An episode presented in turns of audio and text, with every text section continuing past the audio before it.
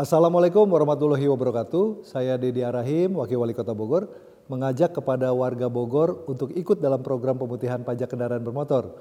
Program ini merupakan inisiasi pemerintah Provinsi Jawa Barat dan Samsat Jawa Barat untuk periode pembayaran dari 1 Juli hingga 31 Agustus 2022. Bebas denda PKB, bebas BBNKB kedua, bebas tunggakan PKB tahun kelima, diskon PKB dan diskon BBNKB pertama. Untuk itu saya mengajak sekali lagi kepada warga Bogor untuk memanfaatkan program yang luar biasa ini. Hatur nuhun, ikuti programnya. Assalamualaikum warahmatullahi wabarakatuh.